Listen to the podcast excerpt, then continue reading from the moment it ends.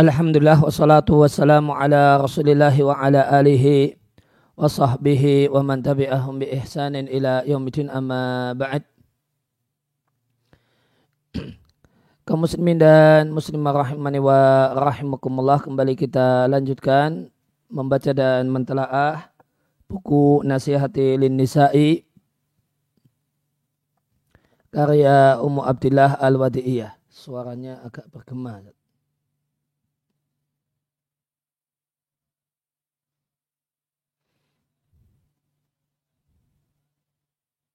Cek cek suara masih bergema.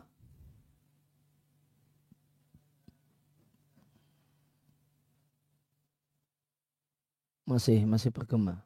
Bentar.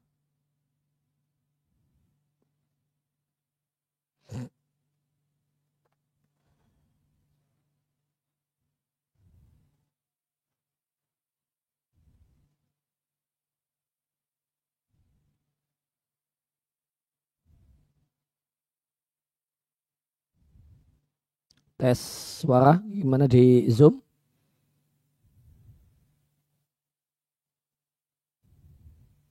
Iya. Iya, kaum muslimin dan muslimah rahimani wa rahimakumullah. Kita lanjutkan. Uh, disampaikan oleh penulis hafizahullah taala Baca al-Islamu maka Islam datang Wabayana dan menjelaskan kedudukan mulia anak perempuan dan menguatkan kekuatan mereka atau terjemah bebasnya yang menguatkan mereka, menguatkan posisi mereka. Di antaranya adalah mayali sebagai berikut. Allah Azza wa Jalla menciptakan perempuan dari diri laki-laki. Kama di, di, itu agak agak ini enggak enak ya. Harusnya la kama khalaqarajula. Gitu mungkin. Tidak sebagaimana Allah menciptakan laki-laki. Yaitu Allah ciptakan laki-laki dari tanah dari lumpur. Falam yakhlukha mintinatin ukhra. Allah tidak menciptakan perempuan dari lumpur yang lainnya. Ya, namun Allah ciptakan perempuan dari tulang rusuk laki-laki. Ini artinya dari makhluk hidup. Tidak dari benda mati. Maka ini menunjukkan mulianya perempuan. Dan hanya dengan laki-laki yang Allah ciptakan yaitu Adam. Allah ciptakan dari tanah dan dari lumpur benda mati. Ya, dan tentu tercipta dari makhluk hidup itu memiliki nilai lebih, memiliki kemuliaan ya, yang tidak didapatkan eh, manakala penciptaan tersebut adalah penciptaannya adalah dari lumpur.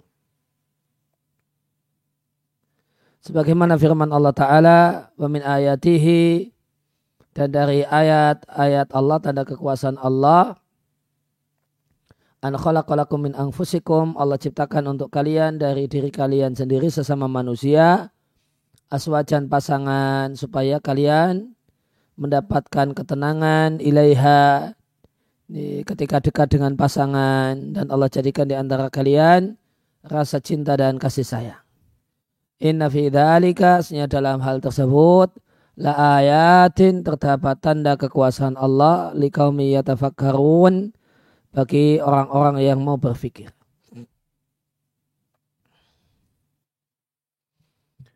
Kemudian Allah Azza wa Jalla yang kedua Allah Azza wa Jalla menjadikan perempuan sinwanan lirajuli pasangan bagi laki-laki maka Allah wajibkan bagi perempuan apa yang Allah wajibkan bagi laki-laki kecuali jika terdapat dalil khusus yang menunjukkan kalau satu ketentuan itu satu hukum itu khusus untuk perempuan atau khusus untuk laki-laki.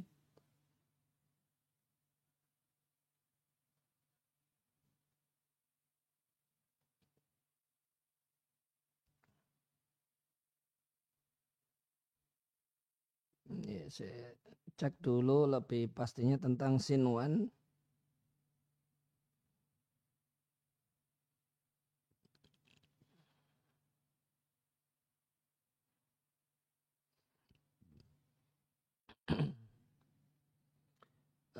pembacaan sinwatun itu maknanya an-nadhir semisal. Maka Allah jadikan perempuan sinwatal lirajuli sama dan semisal dengan laki-laki. Allah wajibkan perempuan apa yang Allah wajibkan bagi laki-laki sebagaimana dalam kaidah al-aslu umum mutasyri'i hukum asal aturan perintah dan larangan Allah itu bersifat tasyri' atau aturannya itu bersifat umum, bersifat general, kecuali yang dikhususkan oleh dalil. Kemudian yang ketika Allah Azza wa Jalla menjadikan, ya, maka berdasarkan kaidah tadi, ya, maka perintah Allah untuk laki-laki berlaku untuk perempuan dan sebaliknya, kecuali terdapat dalil yang menunjukkan kalau itu khusus laki-laki atau khusus perempuan. Yang ketiga,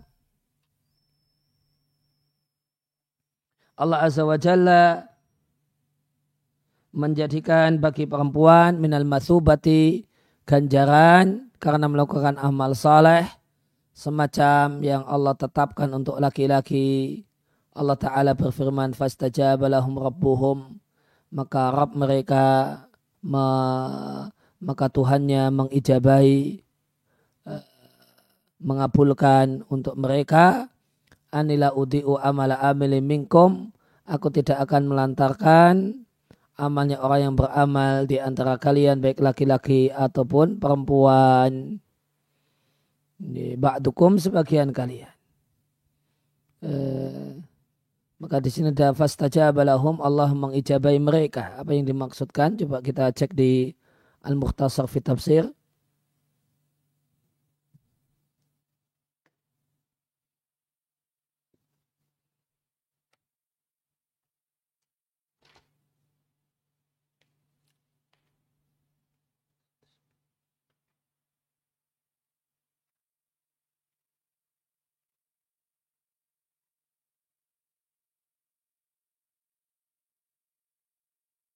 ya uh, aja rabbuhum Rabb mereka mengabulkan doa mereka berarti doa di ayat sebelumnya. Di, di ayat sebelumnya terdapat sejumlah doa di antaranya adalah Rabbana wa wa atina ma ala rasulika wa la tukhzina yaumal qiyamah innaka la tukhliful mi'ad misalnya.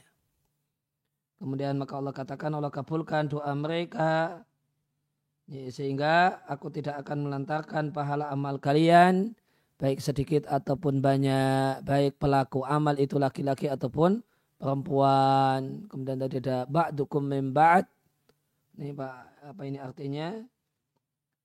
Uh, maknanya adalah fahukmu ba'dihim min ba'din fil millati wahidun. Maka hukum sebagian kalian dari sebagian yang lainnya dalam agama ini hukumnya sama la yuzadu lidhakarin tidak akan ada tambahan pahala gara-gara itu pelakunya laki-laki wala yungqasu dan tidak ada pengurangan li unta gara-gara pelakunya perempuan. Demikian maknanya.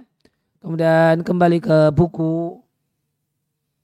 Di nasihat di nasihat ini dilanjutkan dengan firman Allah Ta'ala di surat An-Nahl ayat yang ke-97 man amila salihan min dzakarin au ungsa barang siapa yang melakukan amal soleh baik laki-laki ataupun perempuan wa mu'minun dan pelakunya adalah orang yang beriman falanuhyiyannahu hayatan thayyibah maka akan kami berikan padanya kehidupan yang menyenangkan wala najziyannahum dan kami akan berikan balasan pada mereka ajrahum balasan mereka bi ahsani maka nu ya'malun dengan yang lebih lebih baik dibandingkan apa yang mereka lakukan. Coba kita cek uh, tafsirnya di Al-Mukhtasar fi Tafsir.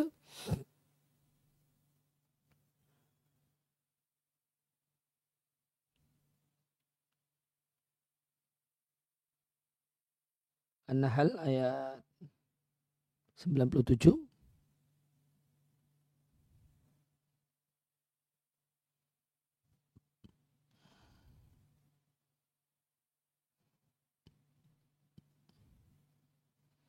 Barang siapa yang melakukan amal soleh yang mencocoki dan sesuai dengan syariat, baik laki-laki ataupun perempuan, dan dia adalah orang yang beriman kepada Allah, maka kami akan berikan untuknya dalam di dunia ini hayatan thayyibah, kehidupan yang menyenangkan, cara untuk mendapatkan kehidupan yang menyenangkan, biridha biqada'illahi. Yang pertama, ridha dengan takdir Allah. Yang kedua, wabil qanaati dan qanaah dengan rizki dari Allah.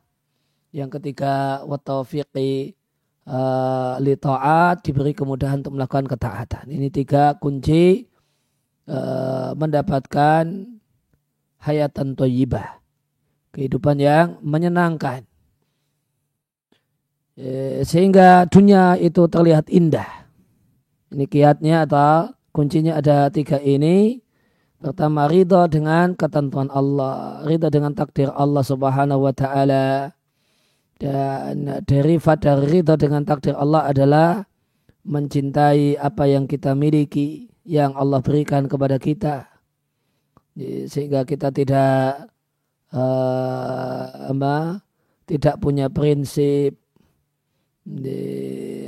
sehingga kita punya prinsip puas dengan pemberian Allah sehingga buahnya adalah al-qanaah, merasa cukup, merasa puas dengan karunia Allah Subhanahu wa taala dan tidak punya prinsip uh, rumput tetangga itu lebih hijau, namun bisa lihat, bisa melihat bahwasanya rumputnya, rumput yang dia miliki itu lebih hijau daripada tetangganya. Kemudian diberi kemudahan, diberi taufik untuk melakukan berbagai macam ketaatan. Itu kunci kehidupan yang menyenangkan di dunia ini. Kemudian kami akan berikan kepada mereka pahala mereka di akhirat dan pahalanya itu lebih bagus dibandingkan apa yang mereka lakukan uh, dibandingkan amal soleh yang mereka lakukan di dunia. Uh, kembali ke buku. Kemudian poin yang keempat yang menunjukkan pemuliaan uh, dari Allah kepada perempuan adalah Allah jadikan bagi laki-laki itu jatah warisan dan Allah jadikan bagi perempuan juga jatah warisan. Sedangkan ditambahkan warisan untuk anak laki-laki sehingga ala nisfi min mirathiha dua kali lipat dari warisan uh, warisan untuk perempuan inama huwa li hikmatin samiyatin itu dilakukan itu ditetapkan untuk satu hikmah yang luhur Sangkiti di kitabnya Atwal Bayan menyampaikan yusikumullahu fi auladikum. Allah berwasiat kepada kalian para orang tua agar kalian bersikap yang baik kepada anak-anak kalian. Ini, potongan ayat ini di dalil tentang wajibnya orang tua untuk perhatian dengan anak, wajibnya orang tua untuk mendidik anak, Nah, dan ini adalah wasiat Allah Subhanahu wa taala. Kemudian Allah katakan lidzakari bagi laki-laki itu anak laki-laki semisal bagian dua anak perempuan. Uh, di di sini Allah tidak jelaskan hikmah dilebihkannya laki-laki dibandingkan perempuan dalam warisan.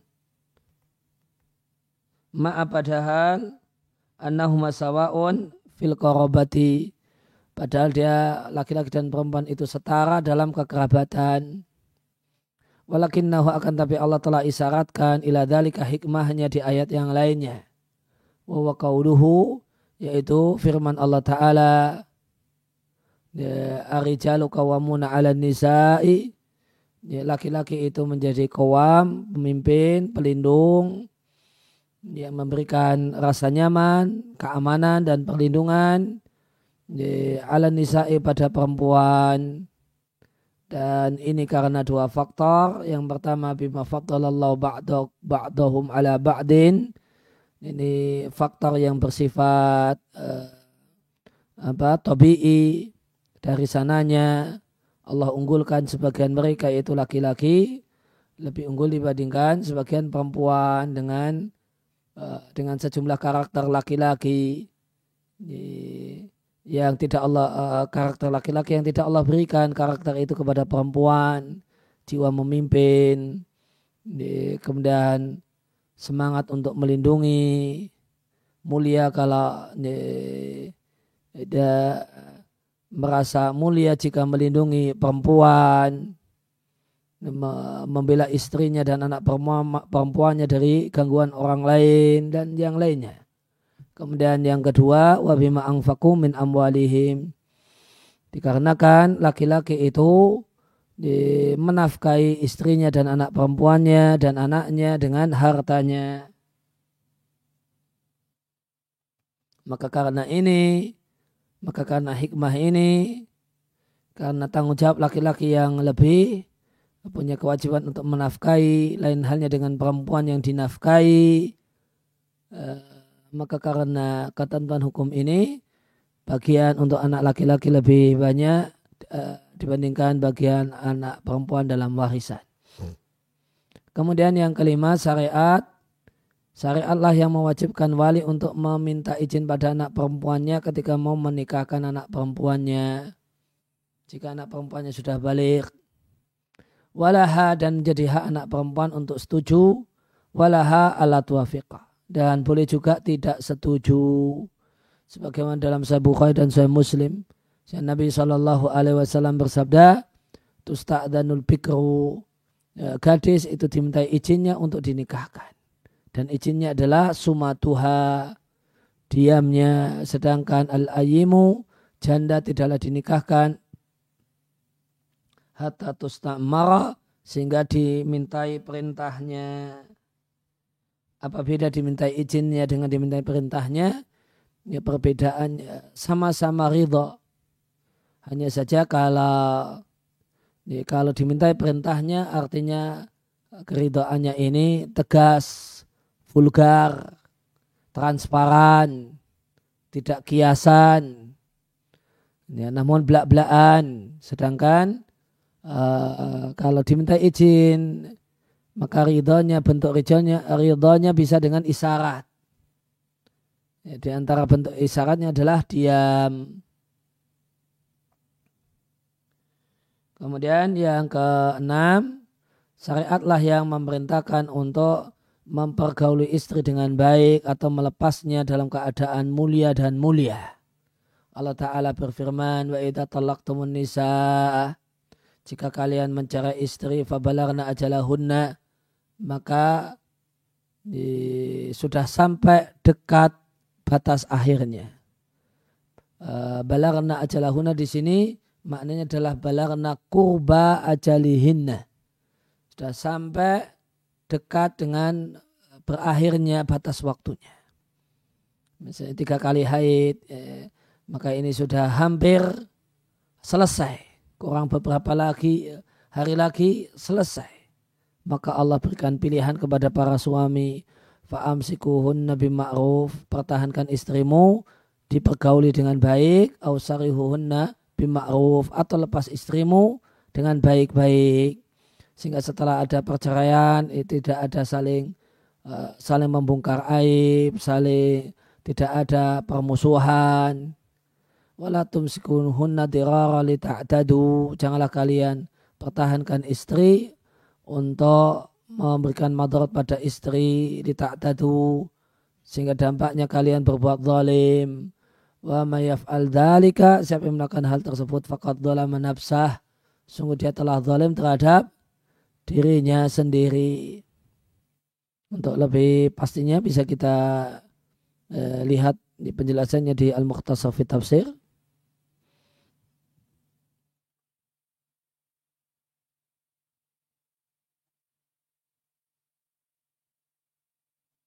Al-Baqarah ayat 231. Nih, kita lihat. Jika kalian mencari istri tadi benar, ya, sama dengan apa yang saya sampaikan. Lantas istri itu sudah hampir intiha selesai masa idahnya. Maka kalian suami punya hak untuk merujuk ketika itu talaknya masih talak satu atau talak dua atau membiarkannya lepas dengan cara yang baik-baik. Itu narojaatin tanpa dirujuk. Sehingga berakhirlah masa idahnya. Dan janganlah kalian merujuk istri dalam rangka mau mendolimi istri dan menyusahkan istri. Sebagaimana dilakukan di masa jahiliyah. Dan siapa yang melakukan hal tersebut yaitu rujuk bikostil idrar dalam rangka menyusahkan istri sungguh dia telah zalim terhadap dirinya sendiri dengan dia telah, uh, dia jerumuskan dirinya ke dalam dosa dan hukuman. Ya. Uh, kembali ke nasihat nisa. Wakala ta'ala dan Allah ta'ala berfirman. Atalakum marotan, talak yang bisa rujuk. Itu ada batasannya yaitu hanya dua kali. Tidak sebagaimana aturan jahiliyah yang tanpa batas. Fa'imsakum bima'rufin atau tasrihum bi'ihsan. Ini tahan dengan baik atau lepas dengan juga berbuat baik. Dan dalil-dalil yang lainnya alat tijaat yang datang yang uh, menjelaskan kedudukan mulia wanita dan menjelaskan malaha minal huquqi wal wajibat hak dan kewajiban wanita.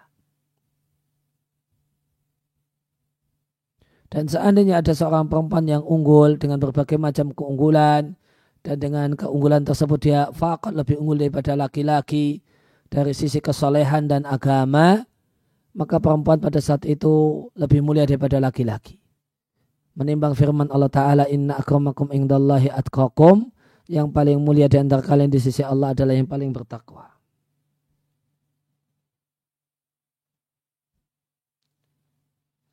Adapun ucapan para ulama nahwu arajulu afdalu minal mar'ati laki-laki itu lebih mulia daripada perempuan, maka al di sini adalah al di kata-kata arajul itu untuk jenis jinsiah.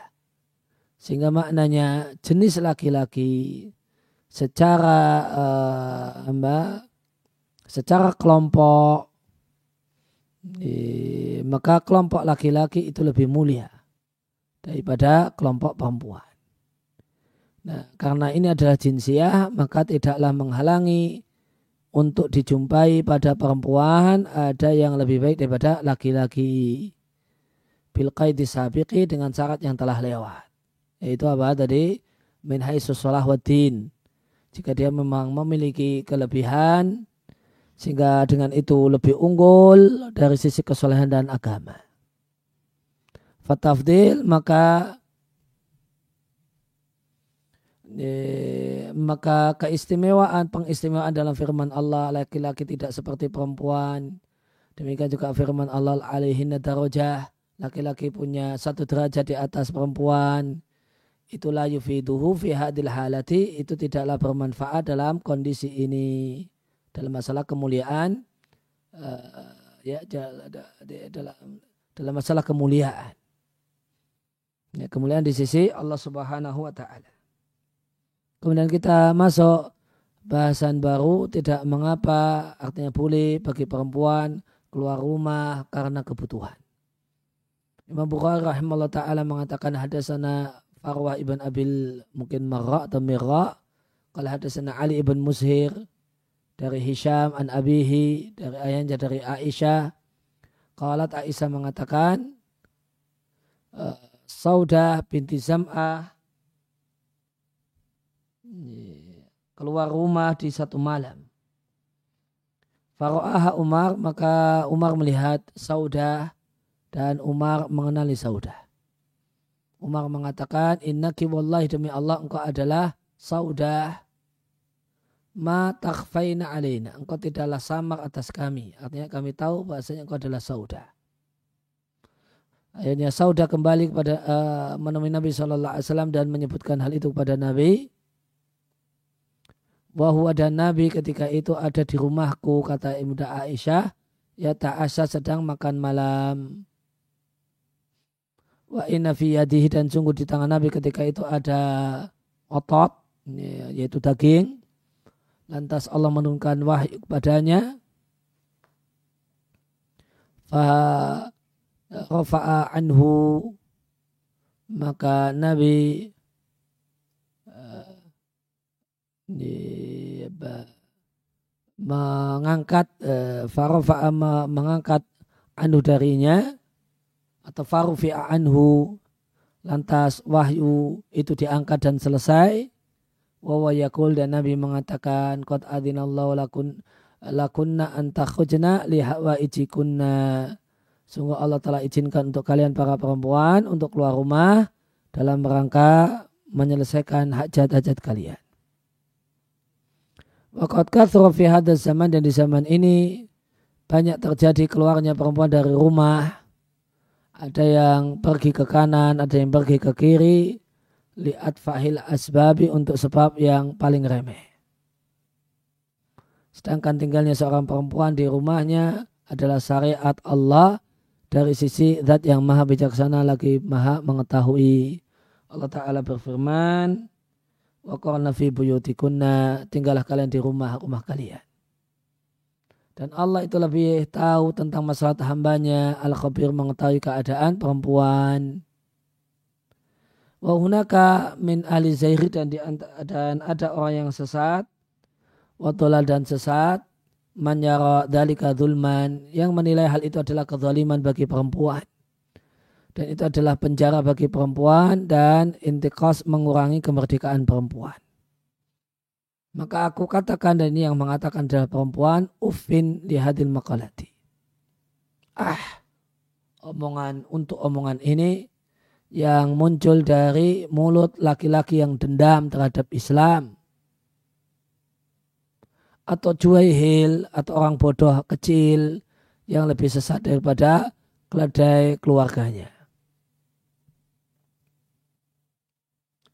Inna biluzumil mar'ati ketika perempuan itu berada di baitah di rumahnya, maka dia akan me, me, melaksanakan urusan rumah dan menunaikan hak suaminya dan akan merawat uh, anak-anaknya. Dan dengan itu maka perempuan ini berbekal berbagai macam kebaikan. Wabita'atuti dengan bolak-baliknya wanita keluar dari rumahnya tukhilu biwajibatiha maka dia menelantarkan kewajiban-kewajibannya. Maka rumah tidak terurus, berantakan. Ya, anak juga tidak terurus, tidak terdidik. Dan di zaman kita ini kaum muslimin menelan di fikrotan dasisatan ide-ide yang dimasukkan oleh musuh-musuh Islam.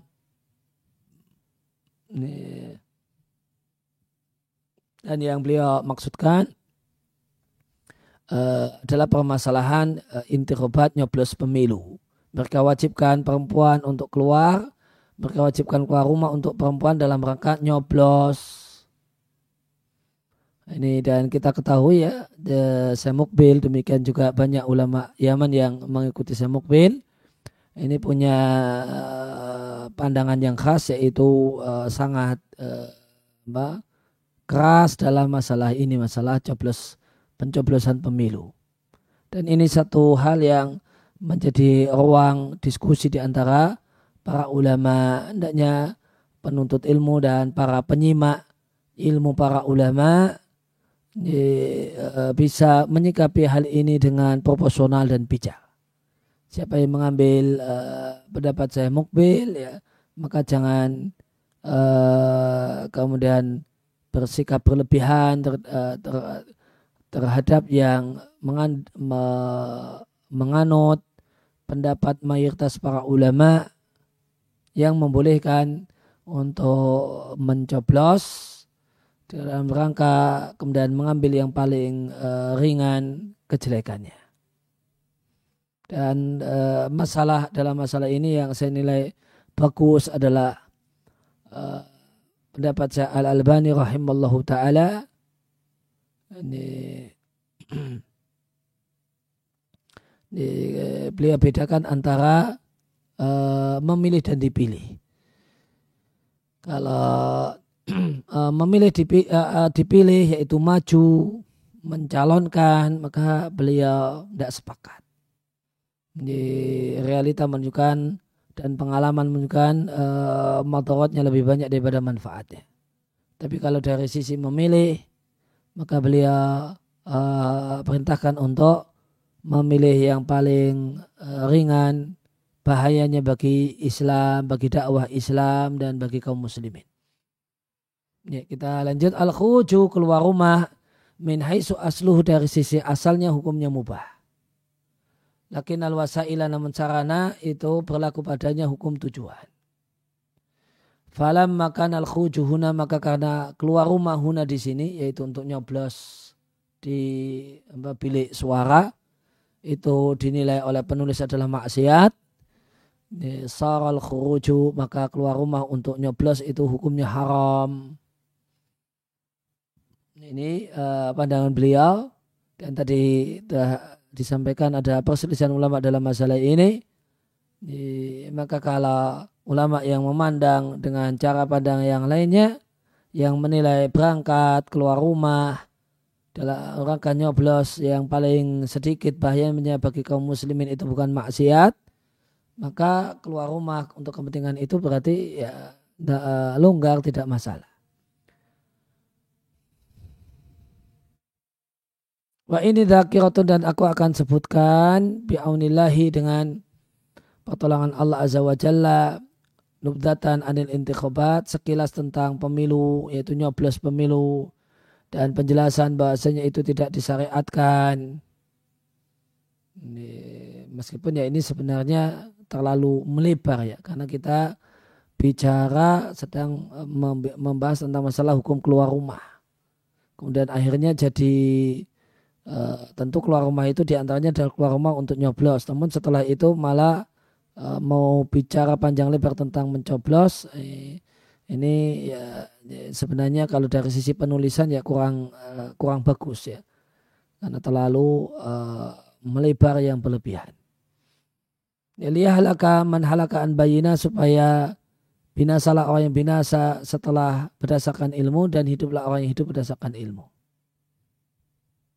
Dan semua yang aku sampaikan tentang masalah intikobat nyoblos pemilu adalah uh, muktatafun adalah kutipan dari uh, sebagian uh, kaset rekaman al-walid yaitu saya mukbil rahimallahu taala wa rubbama azidu syai'an dan boleh jadi aku tambahkan sesuatu yang tidak disebutkan oleh ayahku. Ya, tadi intinya uh, diambil dari perkataan-perkataan saya mukbil dan sebagiannya ada yang diberi tambahan-tambahan oleh uh, di, di, di, oleh penulis.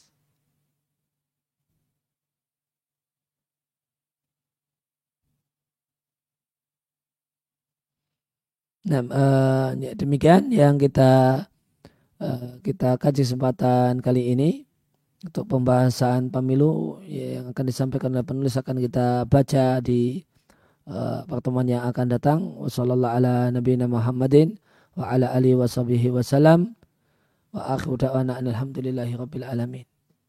Ya, terima kasih atas kehadirannya dan perhatiannya. Mohon maaf atas segala kekurangan.